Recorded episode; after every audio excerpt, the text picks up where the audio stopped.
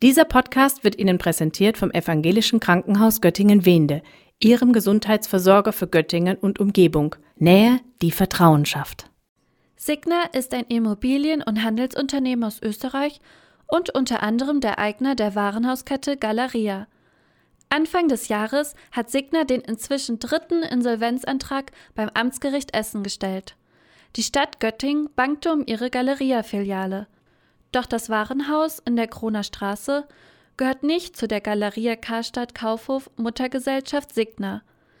Galeria Göttingen bleibt also vorerst bestehen.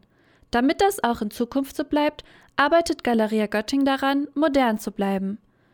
Dazu Julian Hofer, der Regional Sales Director.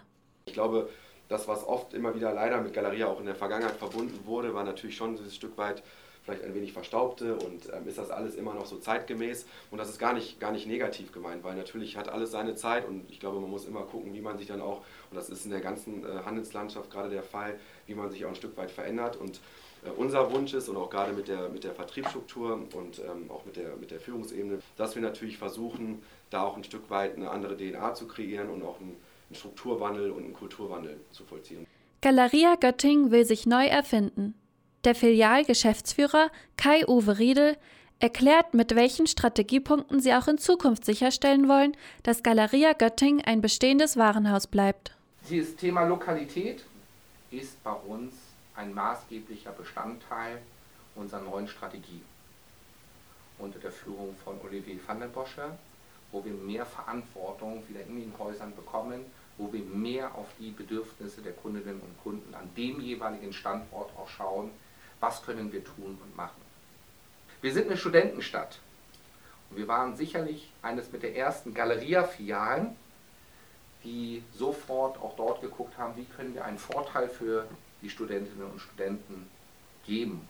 Also es hilft in der Richtung, dass wir eben erkennen, wer ist unser Kunde. Das Unternehmen will auf die Interessen der Studierenden eingehen und auf nachhaltige Produkte setzen. Das Sortiment soll modern werden.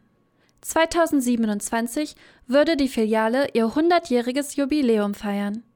Riedel betont, dass es keine Garantie dafür gibt, dass die Galerie Göttingen auch in Zukunft bestehen bleibt, aber er möchte eine positive Botschaft senden und versichert, dass alles dafür getan wird, die Filiale in Göttingen zu erhalten. Welche Bedeutung die Galeria-Filiale für die Stadt Göttingen hat, erklärt Oberbürgermeisterin Petra Breustedt. Zweifelsohne ist Galeria ein Kaufhaus mit Tradition in unserer Stadt. Aus meiner Sicht ist das gar nicht wegzudenken. Es ist in jedem Fall eine Anlaufstelle.